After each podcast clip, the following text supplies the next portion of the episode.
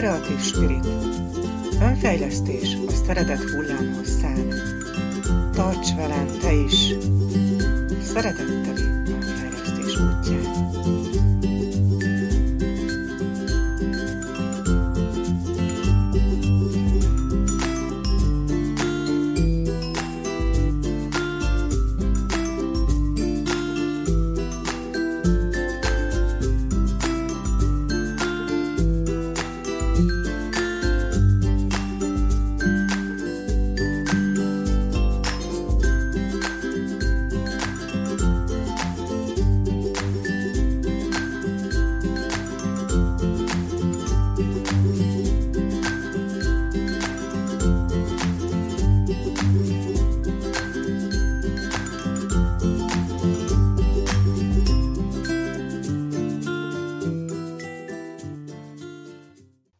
Szeretettel köszöntelek, Kabancsilla vagyok, a Creative Spirit lélekoldó önfejlesztő módszer alapítója, mentortréner, szövegíró.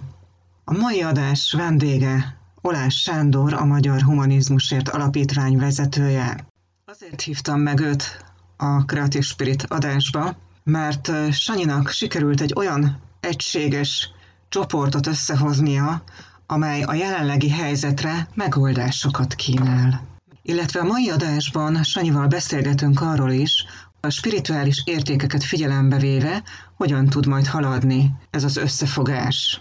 És elmondja azt is, hogy neki mi a véleménye ezekről a fogalmakról, ő hogyan éli meg az egységet, amelyet ő össze tudott hozni. Emellett pedig azokról az értékekről is beszélgetünk, amelyek a humanista egységet jellemzik. Fontos vagy. Látlak téged, figyelek rád. A humanizmussal és az egységgel kapcsolatban is más-más értelmezés van mindenkinek a fejében, ezért alapvetően jó tisztázni azt, hogy milyen értelemben érdemes a humanizmust, illetve az egységet nem csak értelmezni, de akár megélni is. Kezdjük először a humanizmussal. Sanyi, neked mit jelent ez? Hogyan tudnád megfogalmazni? Mit jelent ez az életedben? És mit jelent ez a mozgalom keretében? Köszöntök minden kedves hallgatót.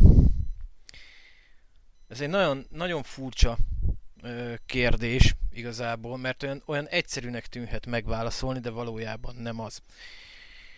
A humanizmust azt Argentinában hozta létre két szabadkönyvűves úriember, és alapvetően az egy világ elvének, vagyis az új világrendnek lett volna az, a, az alapfilozófiája. Tehát azért ezt, ezt szerintem nagyon komolyan le kell szögezni, hogy a, a jelenleg ma ismert magukat humanistáknak, meg filantrópoknak, meg mindenféle ilyen embereknek valló emberek alapvetően azért mondják ezt, amit mondanak magukról, hogy ők humanisták, pedig nem azok, tehát abszolút életellenes vonalon mozognak. Itt egy picit, bocsánat, hogy megakasztalak a mondandódba. Az, hogy ők a, a jóba csomagolják igazából azt a rossz szándékot, hogy amik, amit ők szeretnének keresztül vinni, ez a lényeg ennek, hogyha jól értem. Igen, igen, igen, igen. Tehát gyakorlatilag a humanizmust azt azért hozták létre, mert egy olyan, olyan menekülő utat, egy olyan menekülő utat akartak ö, mutatni az embereknek, amit ugye annó a felvilágosodás eszméjétől kezdve mindenhova becsatoltak, és hogy a, az embernek át kell adni a tudást. Ugye ez a, ez a tudás szó, ez, ez, ez is már el lett csépelve, egy rendkívül szerteágazó dolog lett, de a humanizmushoz tartozó tudás az gyakorlatilag nem más, mint a valóság megismerése. És amikor felkínálták az embereknek ezt a lehetőséget, mint humanizmus, akkor megfogalmaztak alapértékeket, amitől később nagyon meredeken eltértek. Mondhatnám azt is, hogy fundamentalizálódott, radikalizálódott maga ez az egész koncepció. Igen, és itt egy picit szeretnék kapcsolódni ahhoz, hogy radikalizálódott. Ugye a szélsőségek azok mindig rossz irányba visznek, akár embereket, akár csoportokat, és itt mindig az arany középutat kell, hogy megtaláljuk. Itt, amit te létrehoztál közösséget, itt is ez a cél, de valójában ezt úgy tudjuk megvalósítani, hogyha mindenki egyénileg, és aztán ugye csoportosan, közösen próbáljuk a hozzáállásunkat megváltoztatni. Igazából ez egy tudatosságváltás kell, hogy legyen, hogyha... Jól értelmezem azt, amit a szándékodban összefoglalsz. Mondhatjuk, hogy igen, de ez, ez megint csak nem ilyen egyszerű.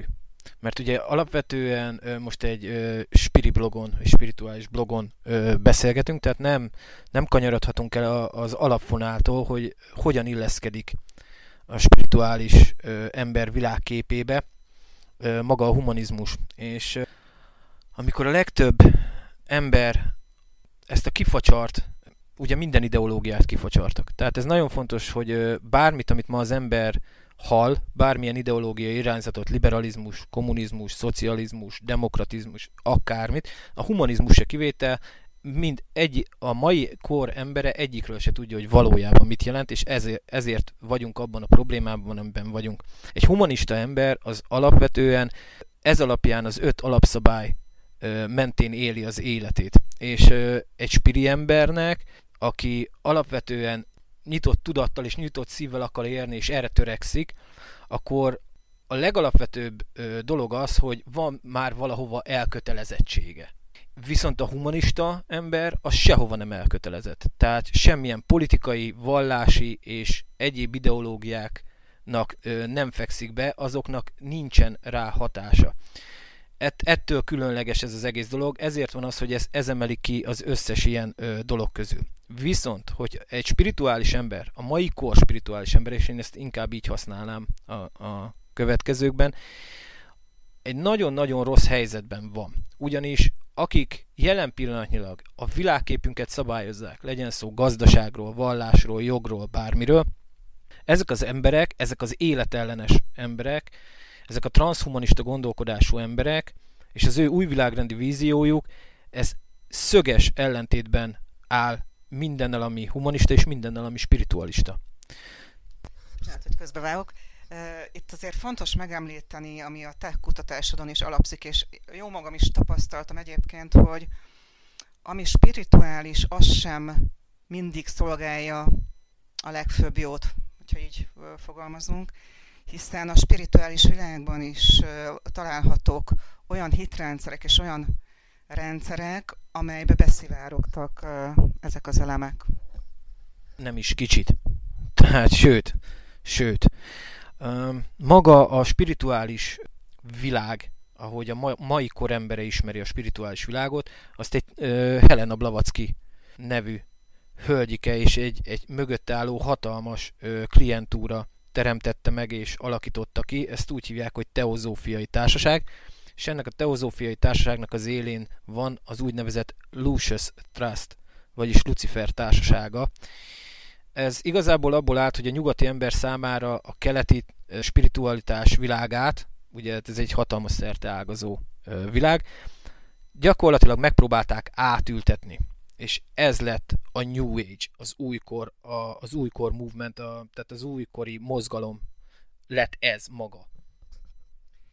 És itt szeretném megjegyezni, ami nagyon-nagyon fontos, és ezt nagyon-nagyon sok spirituális tanító sem tanítja, illetve nem hívja fel rá a kliensei vagy a tanítványai figyelmét, hogy vannak az úgynevezett spirituális képességek. Ezt akár így születik valaki ezzel, akár ugye folyamatosan fejlődik ki nála.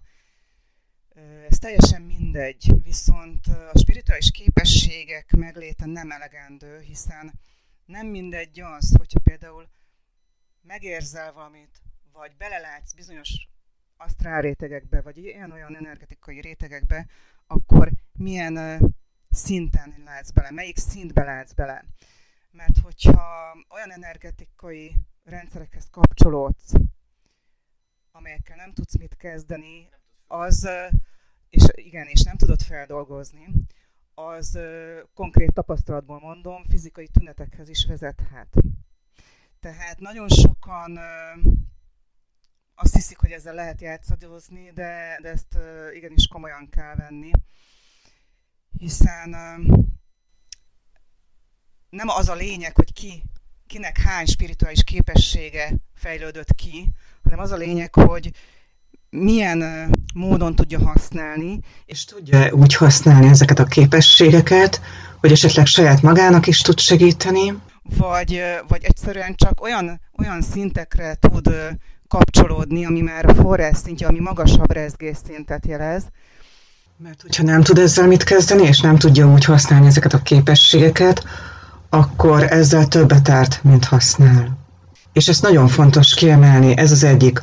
A másik, hogy a spirituális képességek közül egyik legfontosabb tényező, pontosan emiatt, amit én mindig el szoktam mondani, a megkülönböztetés képessége.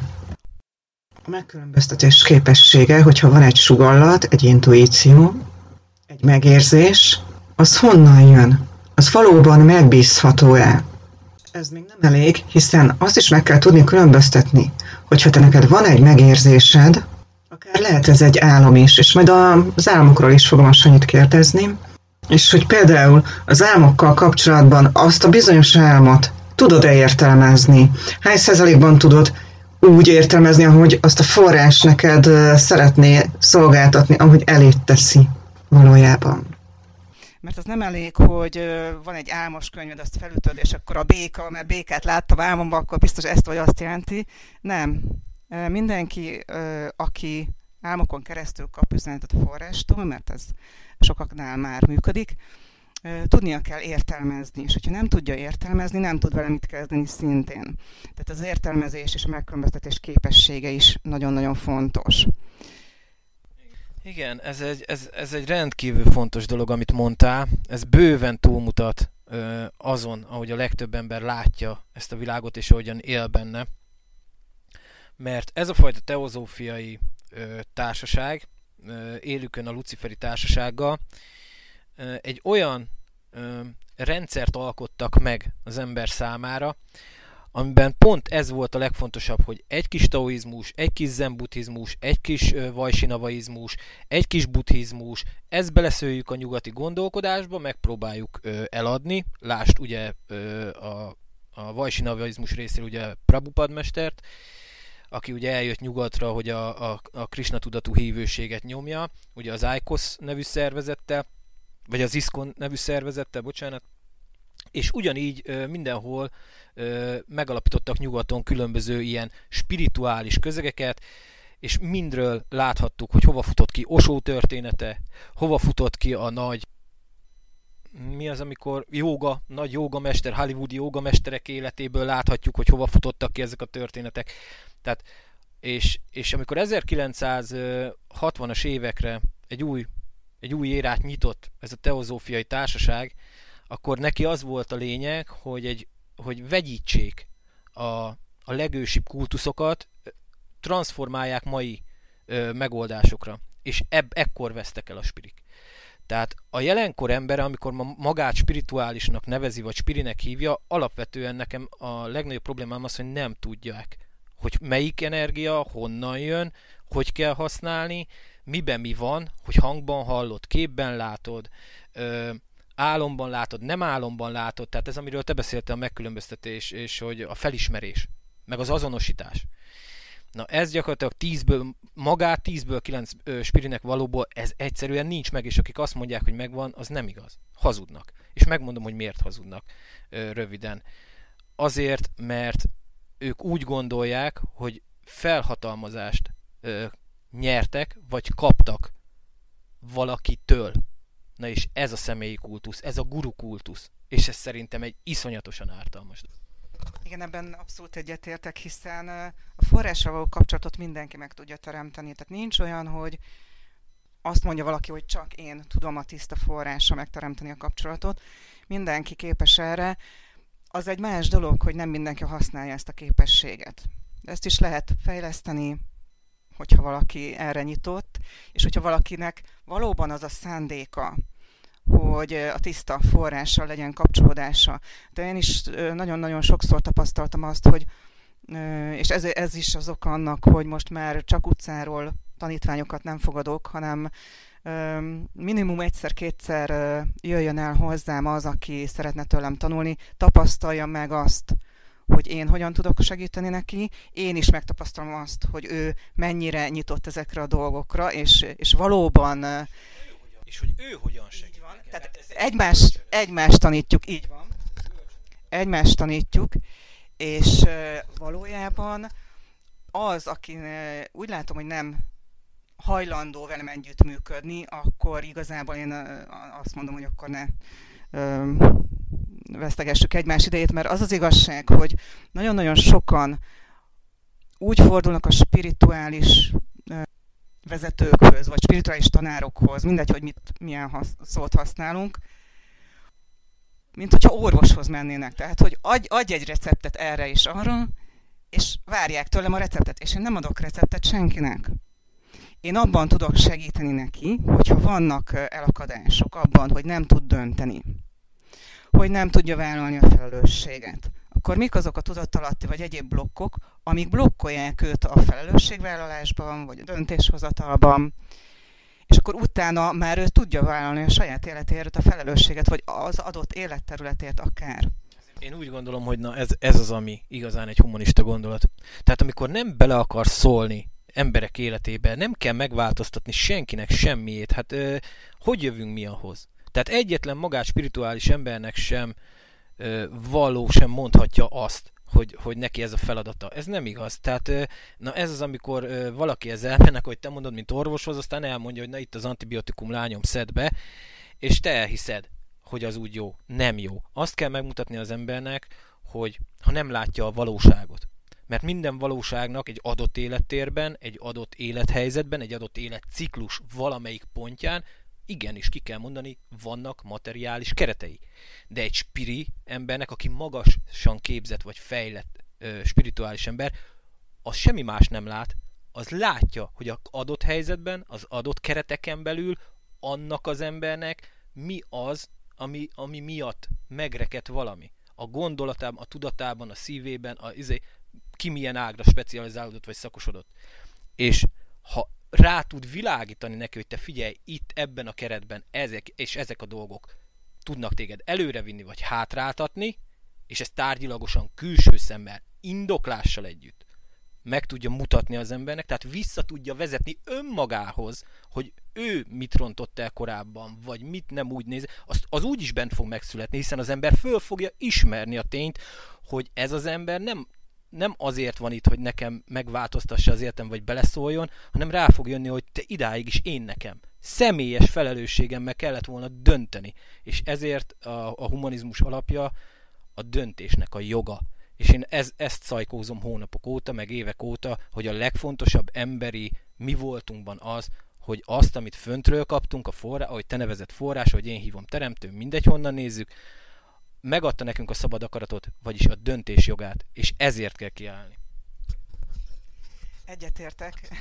Igazából azt veszem észre nagyon sokszor, hogy az emberek nem szeretnek dönteni. Tehát azért fogadnak el inkább egy sémát, vagy egy fölül, fölülről jövő utasítást. Jó, akkor azt megcsináljuk, és akkor túl vagyunk rajta. Igen.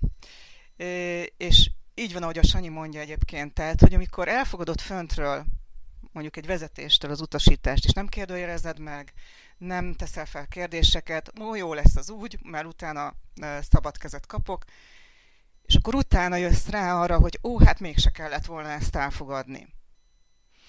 Tehát a döntés joga, ahogy ezt a Sanyi is megfogalmazta, az mindig adott. A kérdés az, hogy élsz-e vele. A kérdés az, hogy élsz-e vele. És, és, és szerintem a döntés joga az a, az a spirik ö, számára egy olyan egy olyan kontraproduktív ö, dolog a jelenkor spiri emberei számára, amit én úgy gondolom, hogy tudatilag képtelenek földolgozni. És ez az 1965-ös évektől jövő váltás, amire én utaltam a, a fényszolgakultusz megteremtése kapcsán már sokszor, hogy ufológia, földön kívüliek, lapos-e a föld, vagy nem lapos, a azástár kapitányék Csehországból ugye megindultak, és várjuk őket 25 éve, akkor itt vannak ugye a, a, a, a Gesara projektesek, mindenki itt van már, és, és egyszerűen a, a jelenkor spiriei képtelenek földolgozni azt, hogy azok az emberek, akik irányítják őket, meg ezeket a nagy szervezeteket, mert ezek hatalmas szervezetek, ezek alapvetően mind kizárólag ugyanarról a két-három helyről vannak irányítva, és ugyanaz a tíz család birtokolja az összes ilyen fényszolgakultus, New Age-es vallásokat, láss, szientológia, mormonok, Jehova tanúi, ugyanazok irányítják az Ástár kapitányt várókat, ugyan, és maguk, maguk a közegek nem látják azt, hogy valójában olyan dolgokra várnak otthon ülve, magukat spiriként, spirituális embereknek nevezve, amik sose jönnek el. Miért? Mert egy, egy fátylat tettek a szemük elé, a, az, hogy neked nincs szükséged arra, hogy dönts. Majd jön valaki, aki dönteni fog helyetted, majd ő fog téged kivezetni, majd ő, majd ő. És ez a várakozás, ez tart 1972-től napjainkig. És ezt nem hajlandók feldolgozni a spirik, amikor valaki erre rámutat, akkor ők, azt, ők ezt támadásnak veszik, pedig szerintem itt kéne igazán elgondolkodni azon, hogy ez nem támadás. Ha valamit nem ismersz, attól félsz, de ha megismerted, nem fogsz félni tőle. És, és akkor már megint előjön az, amiről te beszéltél, és így megint egészséges a kép, hogy be fogod tudni azonosítani, hogy honnan jött az az üzenet. Márpedig, hogyha egy luciferi társaság kiad egy üzenetet, és azt te elkezdesz Krisztussal jákvézni, allahozni, spiris izéni, hogy majd a Saturnusról, meg a Vénuszról, a negyedik kvadránsból ilyen napkitörés, meg olyan jön, ezeket gyakorlatilag három-négy emberen keresztül lecsatornázzák, akik az ő embereik, és, és, a, és a spirit nagy része ilyen álomvilágban él. Mert amíg megvan a materiális álomvilág, amit megteremtettek, lásd vasember kultusz, ugye Elon musk ma a főszerepben, Jacques Fresco utódjaként, Zeitgeist projekt, ugyanezt meg kellett szerkeszteni a, a spiriknek is. Tehát kellett egy olyan iszonyatos réteg, aki egyébként ma egy milliárd ember a Földön, csak mondom, ezeket el kellett altatni. Mert hogyha végre megtudnák, hogy milyen energiákkal, hogyan kell dolgozni, akkor szó szerint akkor jön elő az isteni mondás, a hit hegyeket mozgat. Mert ez mind vallás, amiről beszélünk. Spirinek lenni, a mai koremberének, 10-ből 9-nek az vallás, és nem hit. Igen, eh, teljesen egyetértek olyan vonatkozásban is, hogy amikor mm, ugye egy külső hatalmat elfogadsz, legyen ez akár eh, spirituális értelemben is egy külső hatalom, ahogy azt a Sanyi is felsorolta, hogy milyen kultuszok léteznek, és tőle várod, csak és kizárólag tőle várod a megoldást, úgyhogy várod, várod és várod, akkor az történik, hogy egyrészt nem vállalod a felelősséget, másrészt pedig a saját energiádat, a saját hatalmadat átadod nekik, vagy neki, attól függ, hogy milyen szervezetről van szó éppen. Ezáltal te gyengíted saját magá, magad, akár energetikailag, akár lelkileg. Tehát van a Krati Spirit módszerben egy olyan gyakorlat például, amikor visszavesszük a te saját energiádat, mindegy, hogy mikor és kinek adtad át a saját hatalmadat, mert amikor átadtad a saját hatalmadat, akkor felhatalmaztad azt a másik szervezetet, vagy akárkit arra, hogy azt csináljon veled, úgymond, amit csak szeretne. És ez nagyon-nagyon fontos dolog, mert itt előjön a manipuláció is. És képesek egyesek úgy manipulálni embereket, tömegeket, hogy azt nagyon ügyesen teszik, úgyhogy azt észre se vedd ha nem vagy arra nyitott, amiről már ugye beszéltünk, a megkülönböztetés képessége, ha nem teszel fel kérdéseket, akár magadnak, akár a forrásnak, akkor nem fogsz rájönni, hogy igazából mi az igazi szándéka annak, akivel akár te együttműködsz. És ezzel kapcsolatban egy nagyon hatékony és, és egyértelmű tippet szeretnék adni nektek, hogy hogyan lehet ezt fejleszteni, azt a képességet, hogy igen, meglásd a valós szándékot. Ez egy olyan kérés a teremtő felé, vagy a forrás felé, hogy kérek egyértelmű vezettetést. Arra a helyzetre gondolsz, amiben benne vagy, és kérsz egyértelmű vezettetést azzal az... Így van, így van. Na látod, szerintem ez az, amikor mm, könnyen félre tudják érteni a spirik egymás szavát nem azt kell kérned, hogy te most engem vezess ki a nyakig, nyakigérő szartengerből. Már elnézést, hogy így mondom. Nem, nem ez. Hanem, hogy mutasd meg a keretet, hogy lássak az adott életciklus adott helyzetében lássam, föl tudjam mérni, segíts hozzá az úthoz. Igen, ugyanazt mondjuk igazából. Igen, csak, csak az könnyen félreérthető, ez meg nem, mert, hogy, mert a legtöbb ember mit csinál? Térdre bolul, imádkozik, Uram, segíts! Megy, megy nem erre gondolok. De, a le, de, de egyébként a legtöbb spiri ugyanezt ezt nyomja. De a legtöbb spiri ugyanezt nyomja. Tehát amikor ők azt mondja, hogy én kapcsolatban vagyok a, a forrással, a teremtővel, az Úr Jézus Krisztus a bárkivel, akkor automatikusan mikor fordulna oda a legtöbb ember? Ezt Ami, amikor, baj, amikor baj van. Amikor baj van. És akkor mi van? Mentsen meg már. Megint meg kell menteni valakit. Nem. A, a, mi, a világ létező összes ö, igazi spiri embere azt tudja, hogy segíts magadon, Isten is megsegít. És ennek kell az igazi spiri ember alapfilozófiájának lenni. Vagyis, hogy nem lehet otthon ülni és tenni, hanem aktívan hozzá kell tenni. Na és a humanista egység ezért olyan, amilyen. Ezért vannak közöttünk nagyon magasan képzett, hiába materiális világban például a Gábor is, 35 éve közgazdász, tehát hiába egy ilyen ember, de ő ugyanakkor egy nagyon magasan fejlett spirituális ember is. Na ezek hozzák össze, a, a, ezt csinálja a, a humanista egység. Igen, és abszolút egyetértek veled abban, tehát igen, ez lehet, hogy félreérthető, ahogy én ezt elmondtam, tehát nem úgy csináljuk ugye a, a vezettetés kérését sem, hogy kérek egyértelmű vezettetést, és akkor majd valaki jön és megoldja helyettem. Nem. Tehát nem, erről, nem erre gondoltam, és nem erről szól ez a dolog, hanem hogy meglássam azokat a lehetőségeket, ami mentén a megoldáshoz vagy a céljaimhoz el tudok jutni. Vagy akár azt a, azt a segítséget meglássam. Én annak idején azt kértem, amikor nagyon padlón voltam lelkileg, fizikailag mindenhogy, ez jó, talán már van 20 éve is, hogy én most már olyan valakihez szeretnék eljutni, aki tud nekem segíteni. Tehát orvosokat jártam végig, stb. Nem, most azt nem fogom elmesélni.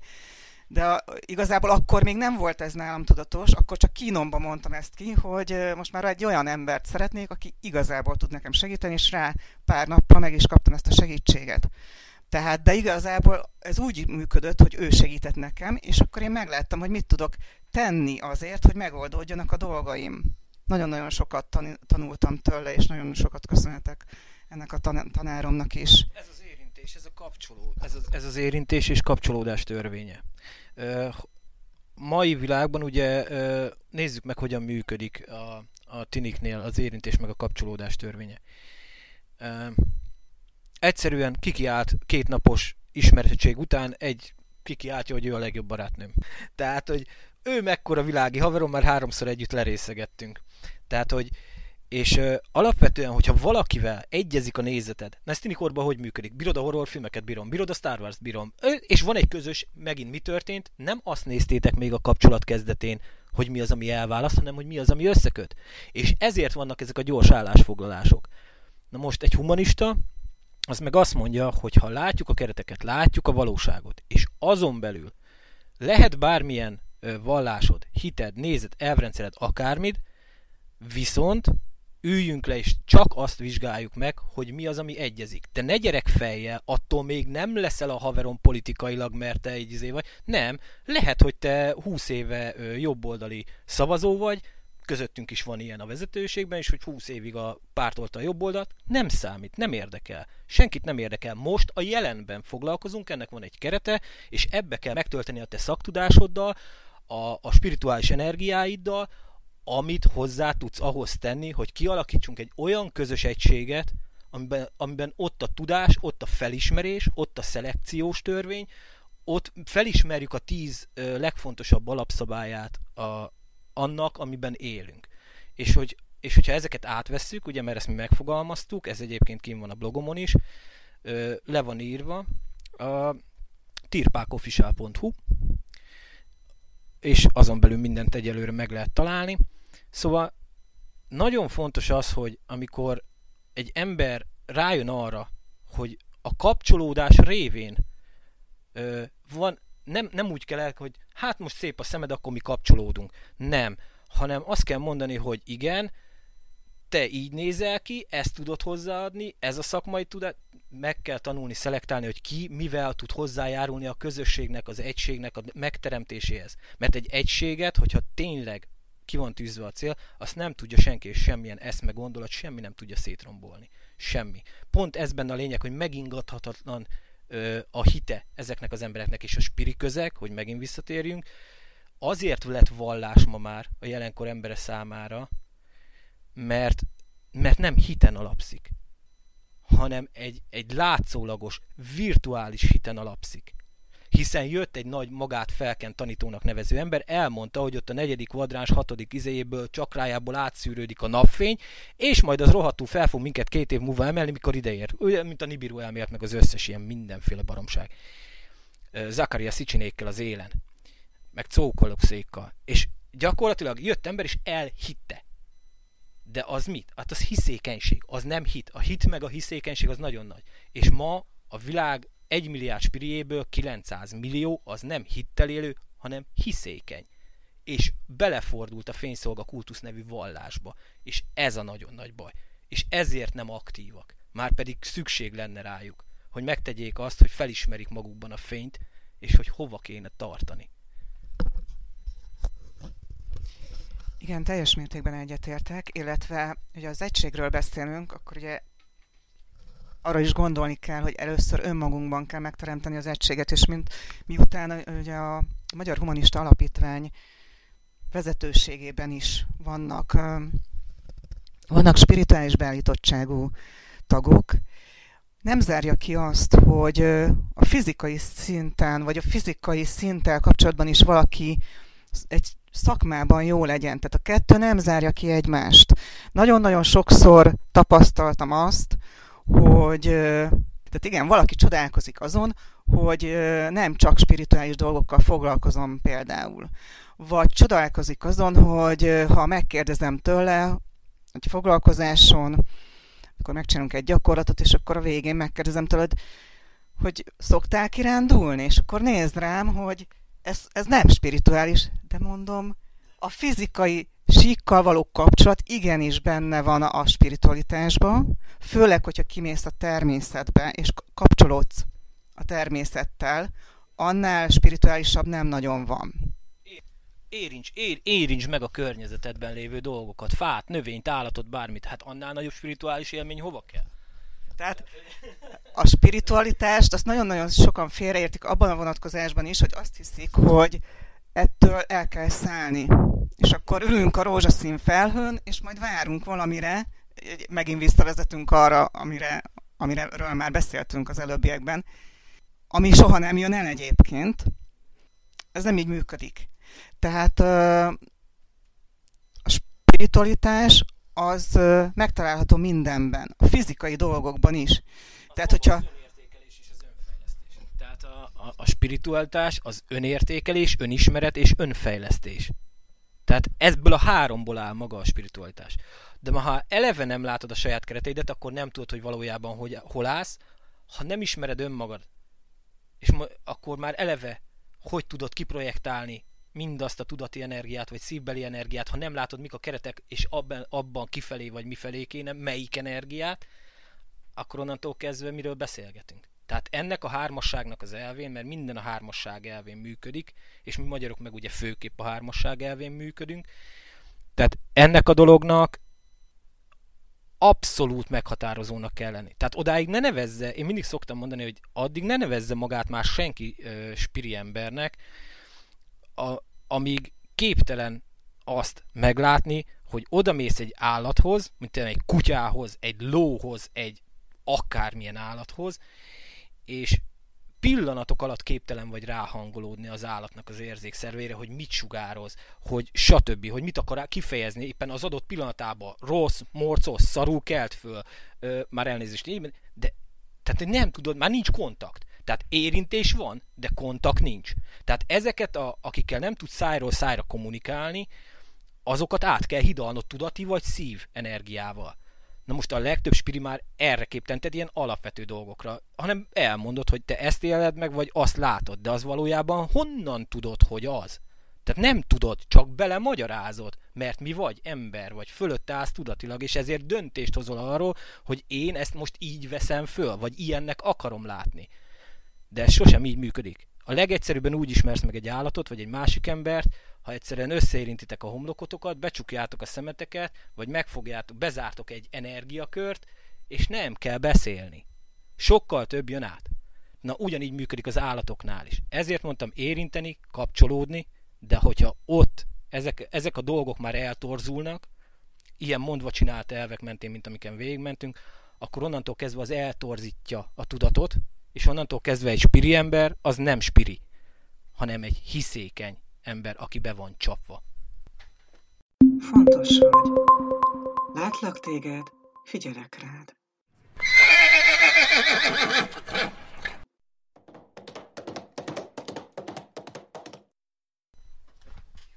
Igen, és hogyha már az állatoknál tartunk, nem véletlenül szerepel a Creative Spirit podcastban is a, a Ló közelben című lovasrovat, mert ugye aki ismer, azt tudja, hogy én rendszeresen lovagolok. És éppen a western stílust tanulom. És ott nagyon-nagyon sokszor megtapasztaltam azt, hogy amikor gondolok valamire, a ló reagál, a ló válaszol. Tehát most egy konkrét esetet mesélek el, amikor az edző rám bízta azt, hogy oké, okay, most a kalóval, és majd rám bízza, hogy mikor állok meg hirtelen például. Van egy ilyen gyakorlat.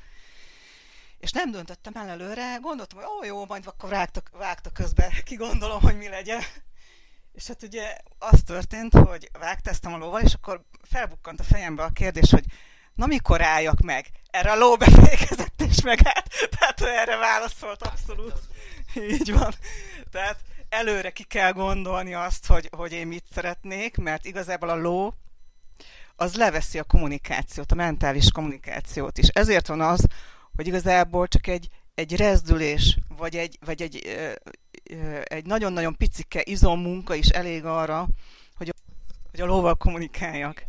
Tehát amikor volt például egy másik eset, vágtáztunk, és közben elkezdett kifelé figyelni a ló, ami ugye nem jó, mert akkor vagy elkezd hűlni, hogyha megijed, vagy bármi, tehát folyamatosan rám kell, hogy figyeljen ahhoz, hogy tudjunk rendesen együtt dolgozni.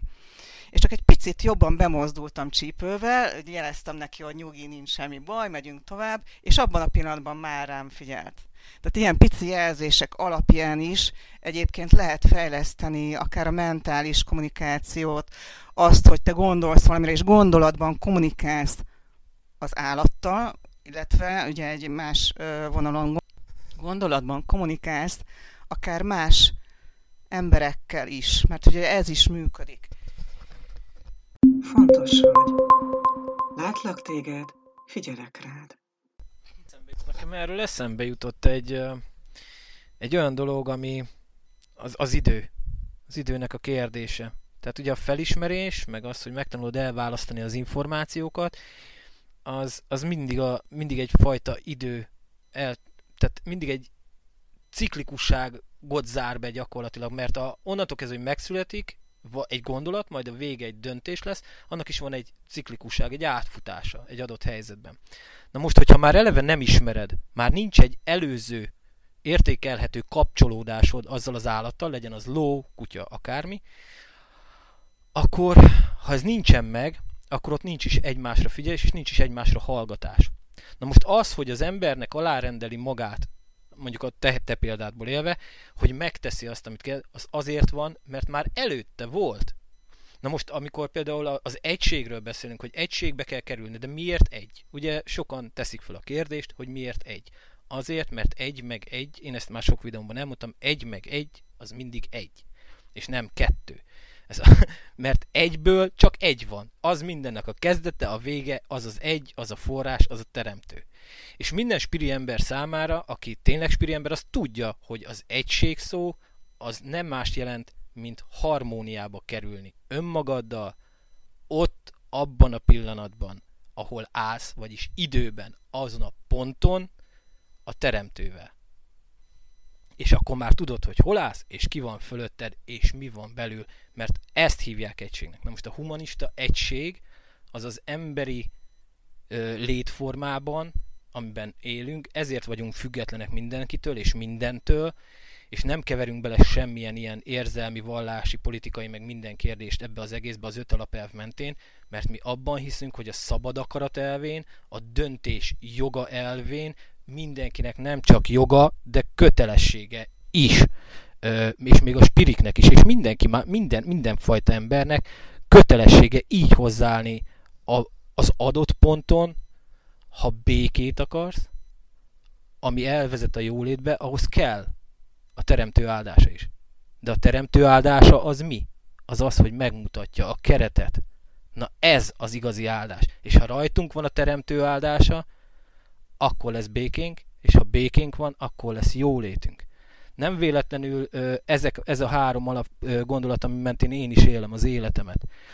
És, és szerintem nagyon fontos azt megérteni mindenkinek, hogyha föláll az alapítvány, és meg lesz a működési rendszerre lesz rakva, amikor meg lesz a saját számla száma, amikor már, amikor tényleg minden egységében elkezd tudni majd működni, mind gazdaságilag, mind programírásilag, mind stb., akkor ez a közösség, amit mi szeretnénk, ez a tudat és lelki közösség, ahogy szoktam nevezni, mert magyarnak lenni az egy tudat és lelki közösség, és semmi más, én úgy gondolom, akkor, akkor ezeknek a mentén mindenki, aki hajlandó félretenni az egóját, a kishitűségét, a bátortalanságát, a nyerészkedési ösztönt, mindent, ami ez a materiális világhoz köti ilyen szempontból, és mindent hajlandó félretenni, és azt mondani, hogy rendben, megteszek mindent, amit tudok, beleteszem a munkámat, időmet, energiámat, vagy pénzemet, vagy bármelyik kombinációját, azért, hogy elérjünk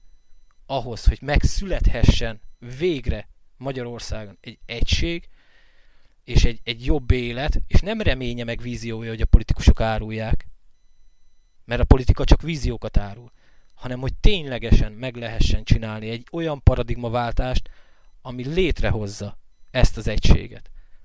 Úgyhogy szerintem ez nagyon fontos tudni a spiri közegnek is, mert egy hatalmas tábor, hogy ebbe a táborba, ebbe a csoportosulásba, ebbe az egységbe rájuk számítunk. Csak ahhoz félre kell tenni ezt a fajta ö, egót, ami 10-ből 9-ben munká, 10-ből 9 spiriben munká. Hallhatnánk-e tőled konkrét dolgokat a tervekről, tervekkel kapcsolatban? Amit úgy érzed, hogy közelítünk hozzá, amit úgy érzed, hogy érdemes róla már most beszélni?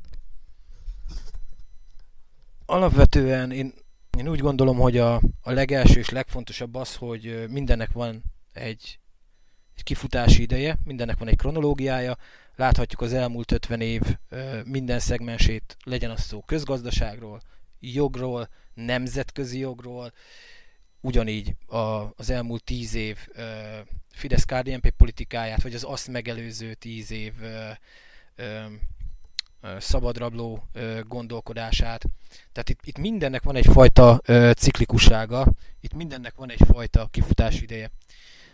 Így ennek a, a projektnek is, vagy programnak is, amit mi készülünk összeállítani, nekünk a legelső és legfontosabb az, hogy gazdasági alapon kell visszakapnia a magyar népnek azt, ami megilleti. Mert ha gazdasági alapon visszakapja, és megfelelő helyre teszi ezeket a pénzeket a saját zsebéből, nem politikusoknak osztogatja meg oligarcháknak ezer milliárd számra, hanem abból ténylegesen egy olyan rendszert alakít ki magának, legyen szó jogról, erkölcsről, földkultúráról, vízkultúráról, stb maga a Humanista Egység programja, illetve a Magyar Humanizmusért Alapítvány programja gyakorlatilag arról szól, hogy meg kell alkotnunk egy olyan egységet, ami a végén le tud tenni egy egységes programot, ami mindezeket a dolgokat fölöleli. És ezt úgy, hogy abban nincsen visszahatás és nincsen ellentmondás. Tehát azért ezt tudni kell, hogy ma minden ö, kölcsönhatás elvén működik de valójában az életben semminek nem így kéne működnie,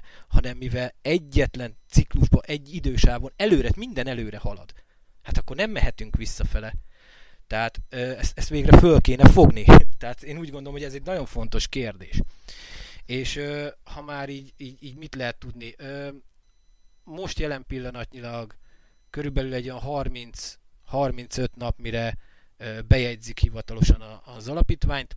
Számításaink szerint illetve arra pedig utána 90 nap van megadva, hogy összeálljon a teljes program, amivel, ami, amivel bármit tudunk kezdeni, illetve amit mi szeretnénk megcsinálni, hiszen ez egy 8 éves társadalomtudományi program, amit, amit mi szeretnénk megcsinálni, tehát minden politikától, nekünk mindegy, hogy ki ül hatalomba vagy ki nem. Nyilván, hogyha a, vala, vala, jönne egy olyan mozgalom, párt, valaki, akiről tudjuk, hogy vagy bármit csinál, akiknek, akikkel tudnánk együtt dolgozni és fölajánljuk, vagy bármi, ha olyan megoldás lenne, akkor nyilván örülnénk neki, hiszen akkor nem 8 évet kéne várni, vagy nem olyan szinten, hanem nyilvánvalóan, ami oda le van írva, hogy két év, az nem két év lenne, hanem 6 hónap. Tehát ilyen sebességgel lenne valamit megvalósítani. De viszont ez támogatás kell. Tehát most jelen pillanatnyilag ott tartunk, hogy 200, 250 ember támogatja ezt a, az egészet. Ők, ők mindannyian ö, ö, kispénzű ö, magyarok, tehát éljenek bárhol a világon, 12 országból, plusz idehaza is kis nyugdíjasok, kisvállalkozó, nagyvállalkozó, tényleg, tehát minden, minden olyan ember, aki egyszerű kisember, tehát nem, nem tapadnak sehova, minden közösségből van, egyébként azt is hozzá kell tennem, szóval ennek, szerintem ez egy fantasztikus dolog, hogy végre Magyarországon van, van legalább egy olyan kezdeményezés, amit el tudta érni, hogy el tudta legalább ezt érni, hogy hogy tényleg olyanok vannak, akik, akik nem tapadnak sehova, de minden közegből ott vannak. Legyen szó tényleg vallásokról, bármilyen oldalról, és itt vannak velünk. És ez a 250 ember, ezek ilyen emberek. És hisznek ebben, hogy ezt meg lehet csinálni, és most hajlandóak ezt finanszírozni, de hát nyilvánvalólag ez 2000 és 200 ezer közti támogató kéne, hogy ez, ez nagyon gyorsan haladjon, és ne, ne, oly, ne úgy, ahogy most halad. De hát először ez kész kell lenni az alapítványnak ezzel kapcsolatban szeretnék egy nagyon fontos dolgot kihangsúlyozni. Ugye a magyaroknak van egy olyan beidegződése, illetve a kollektív tudatban, a magyarsággal kapcsolatban, illetve a magyarság tudattal kapcsolatban van egy olyan blokk, hogy a magyarok kevesen vannak, hogy a magyarok ilyenek, olyanok, ezek mind negatív, degradáló blokkok, amit egyébként szoktunk is oldani, főleg azoknál a klienseknél, akik külföldön élnek, és külföldön kell, hogy boldoguljanak. Ugye náluk mindig elő szokott ez jönni. És ezt azért is fontos megjegyezni, mert nyilván a történelem során mesterségesen próbálták tudatilag is elnyomni a magyaroknak az önbizalmát, és ezáltal, mivel ez nagy részt sikerült, Sanyi egyet is ért ezzel, illetve én is tapasztaltam, hogy sajnos ez sikerült azoknak, akiknek ez volt a célja. Ezért fontos az, hogy amikor te azt gondolod magadról, hogy te csak egy kis porszám vagy, akkor gondolj bele abba, hogy sok porszám mire képes. Vagy ezt egy vízcseppel is mondhatnám, egy vízcseppnek a példájával hogy te csak egy vízcsepp vagy, oké, okay, de hogyha több vízcsepp összejön, és megindulnak, akkor olyan hatalmas változásokat hozhatnak a saját, illetve egymás életébe, amelyet lehet, hogy most még nem tudsz elképzelni, de amelynek az irányát a szándék határozza meg. És az is nagyon fontos az egységet illetően, hogy a szándékunk egy és ebben kapcsolódunk az egységhez. Tehát, ha egy a szándékod velünk, ha te is ugyanúgy szabadon szeretnél élni, ha te is ugyanúgy harmóniában szeretnél élni, ha te is velünk együtt szeretnéd felvirágoztatni azt a gazdaságot, ami most ugye jó pár évtizede már nem, hogy nem virágzik, de, de a virágzás alatt jóval alatta van, akkor érdemes kapcsolódni hozzánk, hiszen akkor egy a szándékunk. És bármilyen módon uh, is gondolhatod te azt, hogy te nem tudsz uh, mondjuk értéket adni, de hogyha te elhiszed azt, hogy nem tudsz értéket adni, akkor először azt kell magadba tisztázni, hogy kinek hitted el bármikor is, hogy te értéktelen vagy. Kinek hitted el? Fedezd fel először a saját értékeidet, és rá fogsz jönni, hogy olyan értékekkel rendelkezel. Ezek lehetnek tulajdonságok, lehetnek olyan képességek, amiket az évek során kifejlesztettél, lehet ez szakmai érték és egyéb olyan érték. Kezd el összeírni magadban, ez lehet egy gyakorlat is akár, ülj le, amikor ráérsz, és kezd el listát írni hogy mik az értékeim. És ne úgy csináld, hogy na jó, most, most Csilla azt mondta, hogy írjam ezt a listát, leülök gyorsan, összekapom magam, fél óra alatt írtam három értéket magamról. Nem.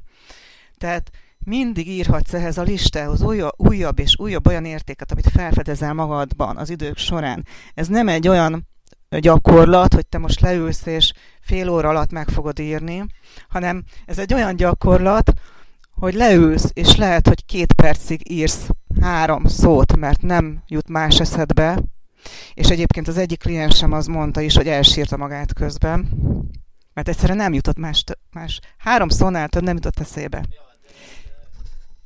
Igen, tehát, de azért itt, itt azért tegyük hozzá rögtön, hogy mi, minél indul a probléma az egónál. Tehát amikor elkezdik az emberek, ö, odamész bárkihez, és megkérdezed, hogy mi az, te mit tartasz magadban, jó, nem, minden, azonnal jön a, az ego. Tehát, hogy így, és akkor amikor klienset sírt, klienset sírt, persze, hogy sírt, mert ott szűnt meg az ego, mert rájött valamire, amit odáig nem. Tehát ez az, amikor megint az önismeret. Igen, tehát ezt a gyakorlatot úgy érdemes elvégezni, hogy nem elméből kezdesz el írni, hanem egyszerűen csak ráhangolodsz saját magadra, és ráhangolodsz arra, hogy, hogy igazából volt, aki megkérdezte, hogy, hogy mit írjak, hát rajta igazából azt lehetett látni, hogy nincs is önértékelésen. Tehát ott kezdődött a, a dolog. Tehát nagyon jó ez a gyakorlat arra, hogy felfedezd magadban azt, hogy az értékelésben, az önértékelésben hol tartasz. És hogyha ez segítség kell, úgy érzed, akkor én nagyon szívesen segítek neked, de akkor legyen ez az első lépés, hogy hajlandó vagy felfedezni úgy a saját értékeidet, hogy nem az egóból, nem az elméből indulsz el, hanem a szívedből indulsz el. Fontos vagy. Látlak téged, figyelek rád. A, a szív hangja, a szív hangja az, az, az egy egészen különleges ö, dolog. Az, az teljesen másképp működik, mint minden más. Az összes szervünknek van egy rezgése, magának van egy összkirezgésünk is, tehát egy, egy ilyen hülyén fogalmazzak, de a szívé az valami egészen különleges. És ö, nem hiába szokták mondani, van egy ilyen mondás, hogy szívtől szívig ért valami, vagy ugye, hogy tudattól tudatig. Szóval ilyen értelemben az, hogy valaki képes valakinek a szívébe hatolni, annál magasabb rendű érzelmi faktor forrás nincs. Nincs. Tehát ezt ki kell mondani, hogy nincs a tudati rész az képes a, a jelenben materializálni szinte akármit, képes vagy szinte bármit transformálni, megváltoztatni, hogyha elérsz egy bizonyos szintig. De a szív, szívvel kapcsolódni, vagy szívvel látni, vagy érzékelni, eljutni ilyen spirituális szintre, az egy egészen más dimenzió. Ezt úgy hívják egyébként. Most ez ilyen baromi körmön fonnak hangzott, meg ilyen totál hülye izét, tudományos megfog. Nem, ezt egyetlen szóval ki lehet fejezni. Ezt úgy hívják, hogy együttérzés. Ezt hívják együttérzésnek. És a, ugye én buddhista lelkületű ember vagyok, nem buddhista, ne keverjük a szezont a fazonnal, viszont nem hiába tartja a buddhizmus is az együttérzést a legmagasabb. Nem a szeretet a legmagasabb, nem. Az együttérzés. Mert csak utána leszel képes valakit szeretni, tisztelni, akár milyen fajta érzelmet táplálni, ha először képes vagy beleérezni abba, hogy ő ott abban az adott helyzetben hol van a kereteken belül. Mert lehet, hogy én látom azt, hogy te a keretnek a bal sarkában ül, és nem látja, hogy a jobb oldalon ő ki tudna menni. Én látom akkor bele kell magam érezni abba a helyzetbe, esetleg abba a kilátástalanságba, a nyomorba, a, a, az agressziója mögött mire élik, stb. stb. stb. Annyi élethelyzet van, annyi ember van, amíg valaki nem képes együtt érezni a másikkal, addig nem spiri, és nem tud döntése hozni. Tanácsot meg főképp ne adjon. Szóval nekem, nekem így, így abszolút ez a véleményem. Ehhez annyit tennék hozzá, hogy nyilván csak akkor tudsz a másiknak segíteni, hogyha nem együtt sírsz vele, hanem együtt érzel, mert a kettő között hatalmas a különbség. Jó, tehát nem együtt sírunk a másikkal, hanem meghallgatjuk, megértjük őt, a tudattal és a szívvel is, és onnantól kezdve tudunk neki segíteni. És én talán zárszónak ehhez azt tudnám hozzátenni, meg így az egész beszélgetés zárásának is. Jó, még, még egy kérdés, de, de, de csak így, hogy ezt így bezárjuk, a, a, ezt az érzelmi faktort, és akkor ezzel lezárjuk ennek a humanista ö, miben létnek a, a kérdését is. Ha valakivel együtt tudunk érezni, akkor képesek vagyunk utána már, és ez a, ez a legfontosabb, ez a miértje mindennek, hogy miért létezik most a humanista egység, még ha most kicsi is. Azért, mert ezek az emberek nem csak együtt képesek érezni, és azon keresztül együtt gondolkodni is, hiszen ez a lényege, hogy együtt gondolkodjunk, mert ha ez megvan, hogy az együttérzésből kifejlődik az együtt gondolkodás, vagyis hogy hogyan oldjunk meg valamit, hogyan kapcsolódjunk, akkor az együtt hozza magával az együtt cselekvést is, és ez egy automatikus folyamat. Vagyis az együttérzésből megszületik a felismerés, hogy sikerült kapcsolódni, összekapcsolódunk egy célért, és azt onnantól kezdve se Isten sem ember nem állítja meg. És ez már nem spiri kérdés, meg nem materiális kérdés. Miért? Mert azokban az emberekben automatikusan megszületik a cselekvési ösztön, az együtt cselekvés ösztöne. És akkor kell megtölteni ezt az együtt cselekvést igazi tudatossággal. Tehát nem hiába szoktam én mondani, hogy elárulva érzem magam, amikor a spiritualitásról beszélünk, mert alapvetően jelenleg az ember tudatáért zajlik a harmadik világháború, és az a folyamat, amit ellenünk táplál a világhatalom. Mert a tudatért zajlik. Ezt nem lehet materiálisan megnyerni. Először fejben, szívben kell ott lenni. Együtt kell, hogy érezzünk át kell, hogy lássuk a dolgokat, föl kell, hogy ismerjük a kereteinket, amit most ránk szabnak, és jog, elvesz, jog, tiporják a jogainkat két lábbal. Lássátok, ugye most is mi van. Hát majd jön a kártya, meg jön az azonosítás, meg minden jön. Épül egy rendszer a fejünk fölé. Ahhoz képest most paradicsom van, ami az lesz. Meg lesz minden, technika, tudomány, gyógyászat. Itt mindenkinek minden meg lesz oldva, de valójában egy olyan rabszolgaság, egy olyan tudati szolgaság jön létre, amit egy józan ember egy józan, materialista gondolkodású ember sem fogadhat el, akkor egy spri hogy fogadhatná el? És említetted azt is, hogy ugye milyen életterületeket fognak lekorlátozni. Ugyanezeket az életterületeket mi úgy tudjuk megteremteni a Magyar Humanista Egység égisze alatt, hogy közben a szabadság az megmarad. Tehát mindenki, mindennek több oldala van, ennek a mostani időszaknak is, ugye van az az oldala, amit a média is harsog, van az az oldal, amit megélsz egyéni szinten, vagy akár megéltek csoportszinten, és van az az oldala, amire azt mondjuk, hogy a megoldást képviseli. Én most megkérem Sanyit, hogy mondja el azt, hogy mely területeken tudunk megoldásokkal szolgálni az alapítvány keretében az elsődleges megoldási tényező és az elsődleges faktor az nem más, mint a magyar föld és annak a kérdése. Agrárium kérdése, az ahhoz kapcsolódó feldolgozóipar kérdése, és az ebből fakadó munkáltatói és munkaadói megoldások. Ha ezt ki tudjuk aknázni a megfelelő technológiákkal, és, és mindazzal, ami jelenleg is adott, csak a hatalom nem él vele és elhallgatja. Ha ezeket egy rendszerbe tudjuk tenni, akkor a jelenlegi életszínvonalunk az gyakorlatilag egy év alatt az, az katapultál, tehát az három-négyszeresére nő Magyarországon. Ezzel együtt ö, olyan szociális programokat kell végrehajtani, amiket ö, 20 éve már el kellett volna kezdeni Magyarországon, lakhatási probléma, tehát hogy ne legyen egy hajléktalan sem Magyarországon, és ezt szavatolni kell, garantálni kell, ez gyakorlatilag egy pillanat alatt meg lehet oldani.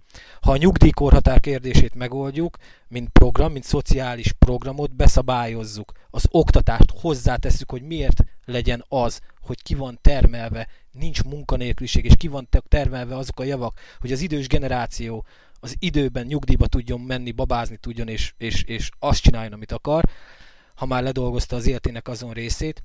Tehát ez egy komplet olyan szociális program, ami a földből indul ki. Tehát egy ilyen gazdasági program. Az nyilván, hogy kell ez egy államvezetési struktúrát felállítani, kell ez egy jogi normatíva és egyéb ilyen dolgok. Tehát ez nyilvánvaló, hogy kell. de ezért vannak a köreinkben közgazdászok, szociológusok, ezért vagyunk itt józan, paraszti észsel megáldott emberek, akik képesek együtt érezni és együtt gondolkodni, hogy egy ilyen programot végre keretbe rakjunk. És nem úgy, hogy egy víziót előre festünk az embereknek, hanem kerekperec kimondjuk azt, hogy, hogy ennyi idő alatt ezt és ezt, ha megcsináljuk, akkor itt van rá a bizonyíték, abból ilyen életszínvonal jöhet ki, és ilyen béke, békés élet jöhet ki.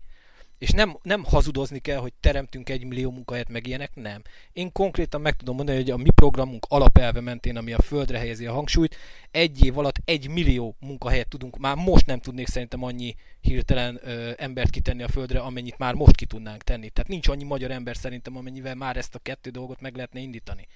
Tehát én ezzel mondom azt, hogy most jelen pillanatnyilag egy 20 ezer milliárd forintból gazdálkodik ez az ország, vagy kéne ennek az oligarha rendszernek gazdálkodni, de itt úgy értsétek, hogy itt két-három éven belül ennek a programnak a keretében, ha ez kerülne hatalomba, 100 ezer milliárdból gazdálkodnánk, akkor képzeljétek el, hogy milyen svájci életszínvonal lenne.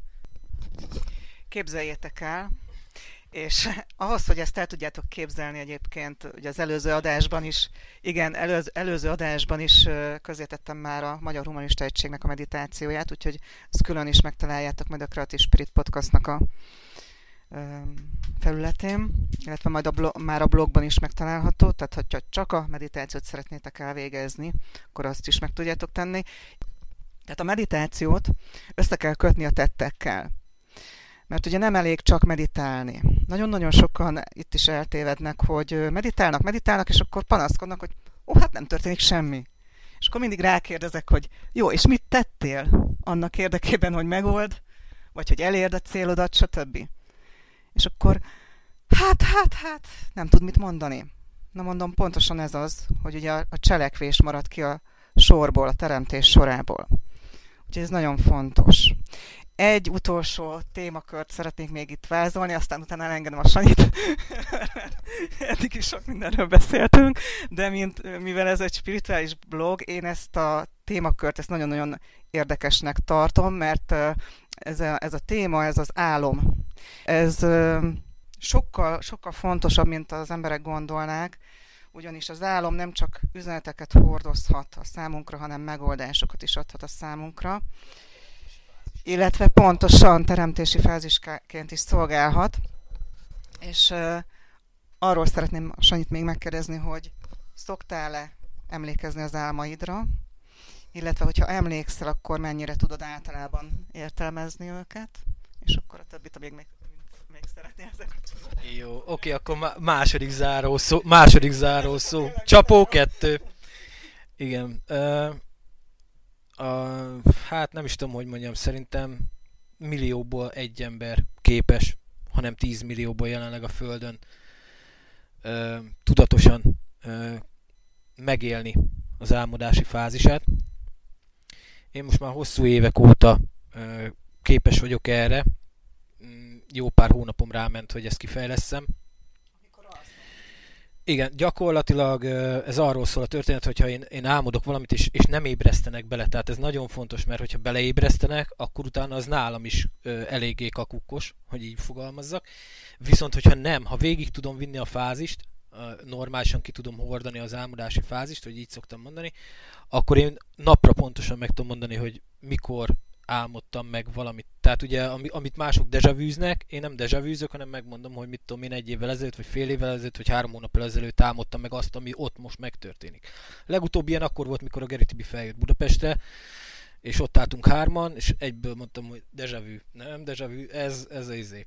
Tehát, hogy ezt láttam előre, ezt a találkozót, hogy ez meg fog történni három hónappal korábban. De egyébként nekem most már 2001, 2000 vége óta gyakorlatilag ez folyamatosan tart nálam ez egy nagyon, nagyon komoly dolog, mert amikor én elkezdek álmodni, akkor nekem alapvető dolog az, hogy rögtön megnézem, hogy álmodok-e, vagy asztrál utazok.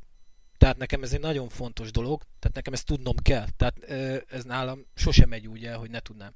Tehát ilyenkor rögtön ugye a legelső, amit meg kell nézni egyébként, az adott közegben, vagy környezetben, hogy át tudod-e venni a teremtői hatalmat. Át tudod-e venni.